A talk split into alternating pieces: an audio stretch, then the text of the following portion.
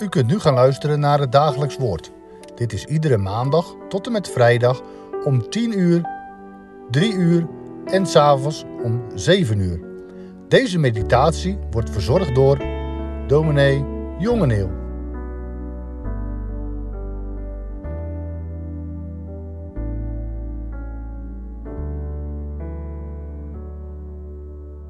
Beste mensen, het dagelijks woord van vandaag komt uit Matthäus 6. Daarvan de versen 5 tot met 8. Uit de bergreden. Jezus zegt, wanneer u bidt, zult u niet zijn als de huigelaars.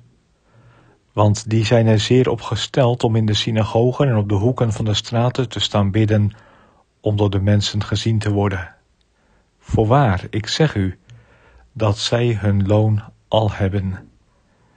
Maar u, wanneer u bidt, ga in uw binnenkamer, sluit uw deur en bid tot uw vader, die in het verborgene is, en uw vader die in het verborgene ziet, zal het u in het openbaar vergelden. Als u bidt, gebruik dan geen omhaal van woorden zoals de heidenen, want zij denken dat zij door de veelheid van hun woorden verhoord zullen worden. Word dan aan hen niet gelijk, want uw vader weet wat u nodig hebt, voordat u tot hem bidt. Tot zover uit Matthäus 6. Ik wil bij dit Bijbelgedeelte ook vandaag een stukje voorlezen. Dit keer van de hand van Dr. J.P. Versteeg, Johannes Pieter Versteeg. In leven predikant binnen de christelijke gereformeerde kerken, later hoogleraar binnen die kerken. Bestuurslid onder andere van het NCRV en van de ARP destijds.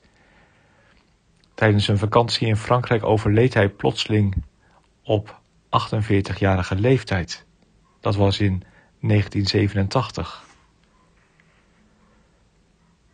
Voor de NCRV-microfoon op de radio heeft hij een tijdje wat overwegingen uitgesproken, korte toespraken.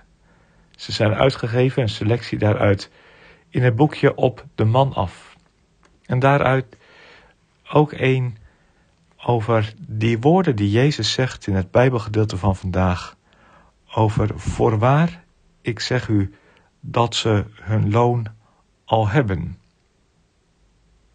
Versteeg vertelt en zegt, ik lees het aan u voor. Dominee H.P. Brandsma, destijds zendeling onder de Toratjas op Celebes in Indonesië, voerde een lang gesprek met een Adat-hoofd van het volk van de Toratjes. Het was al een stuk na middernacht. Toch was het niet mogelijk het gesprek af te breken, omdat dat als zeer onbeleefd beschouwd zou worden. Het Adat-hoofd had grote belangstelling voor het christendom. Hij stond zelfs duidelijk open voor de boodschap van het christendom.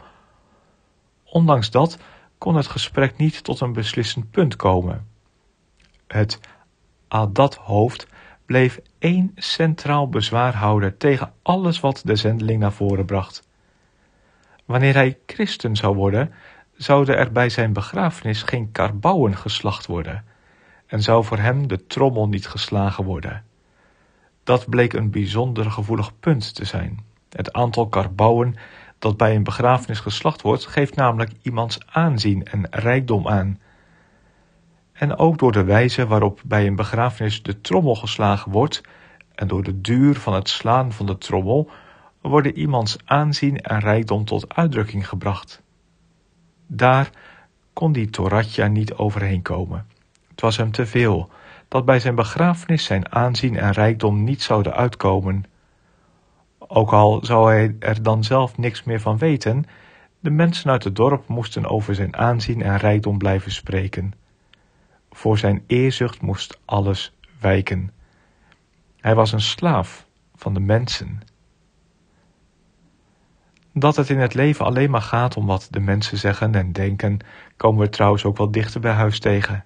Ergens op een Engels kerkhof moet een grafsteen staan met daarop onder meer deze woorden: Zij was een nicht van de hertog van Bedford.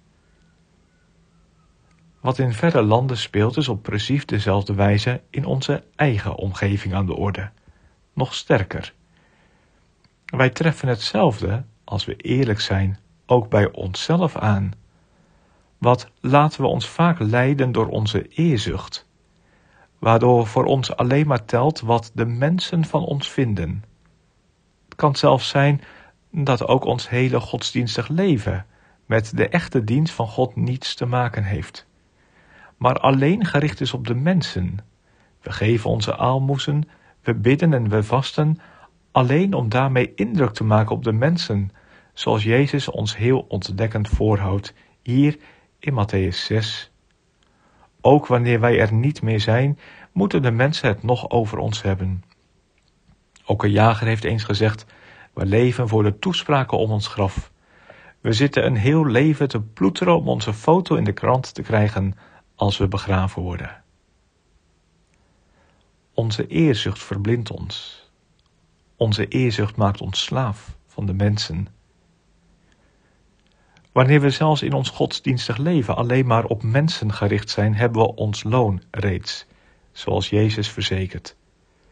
Voor die uitdrukking die in Matthäus 6 tot driemaal toe wordt weergegeven met de woorden het loon reeds hebben, staat in het Grieks een woord dat op papyrusfragmenten die gevonden zijn op de vuilnisbelten van Egypte en die dateren uit de tijd van het Nieuwe Testament. Een woord dat een eigen specifieke betekenis heeft. Het woord is een handelsterm en betekent zoveel als ontvangen van volledige betaling. Het kan ook vertaald worden met kwitteren of voor voldaan tekenen. Het van dit werkwoord afgeleide zelfstandig naamwoord komt op de papiri voor, op de papieren fragmenten, in de betekenis van kwitantie. Wie eer zoekt bij de mensen, heeft, volgens Jezus, in het eerbetoon van de mensen al de kwitanties voor zijn goede daden ontvangen.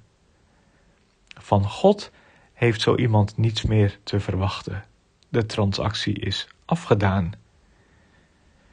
Wie zich uit eerzucht laat bepalen door wat de mensen denken, sluit zich daarmee tegelijk af voor die mensen. Nooit zijn we meer egoïstisch bezig dan wanneer we de mensen alleen maar zien in het verlengde van onze eerzucht. Dan zien we van de ander niet meer dan onze eigen neus lang is. Dan misbruiken we de ander als spiegel voor onszelf. Het gaat er niet om wat de mensen denken over ons, maar wat wij doen voor de mensen.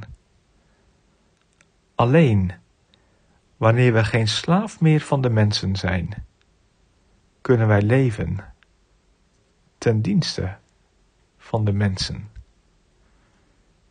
Tot zover het stukje van professor Dr.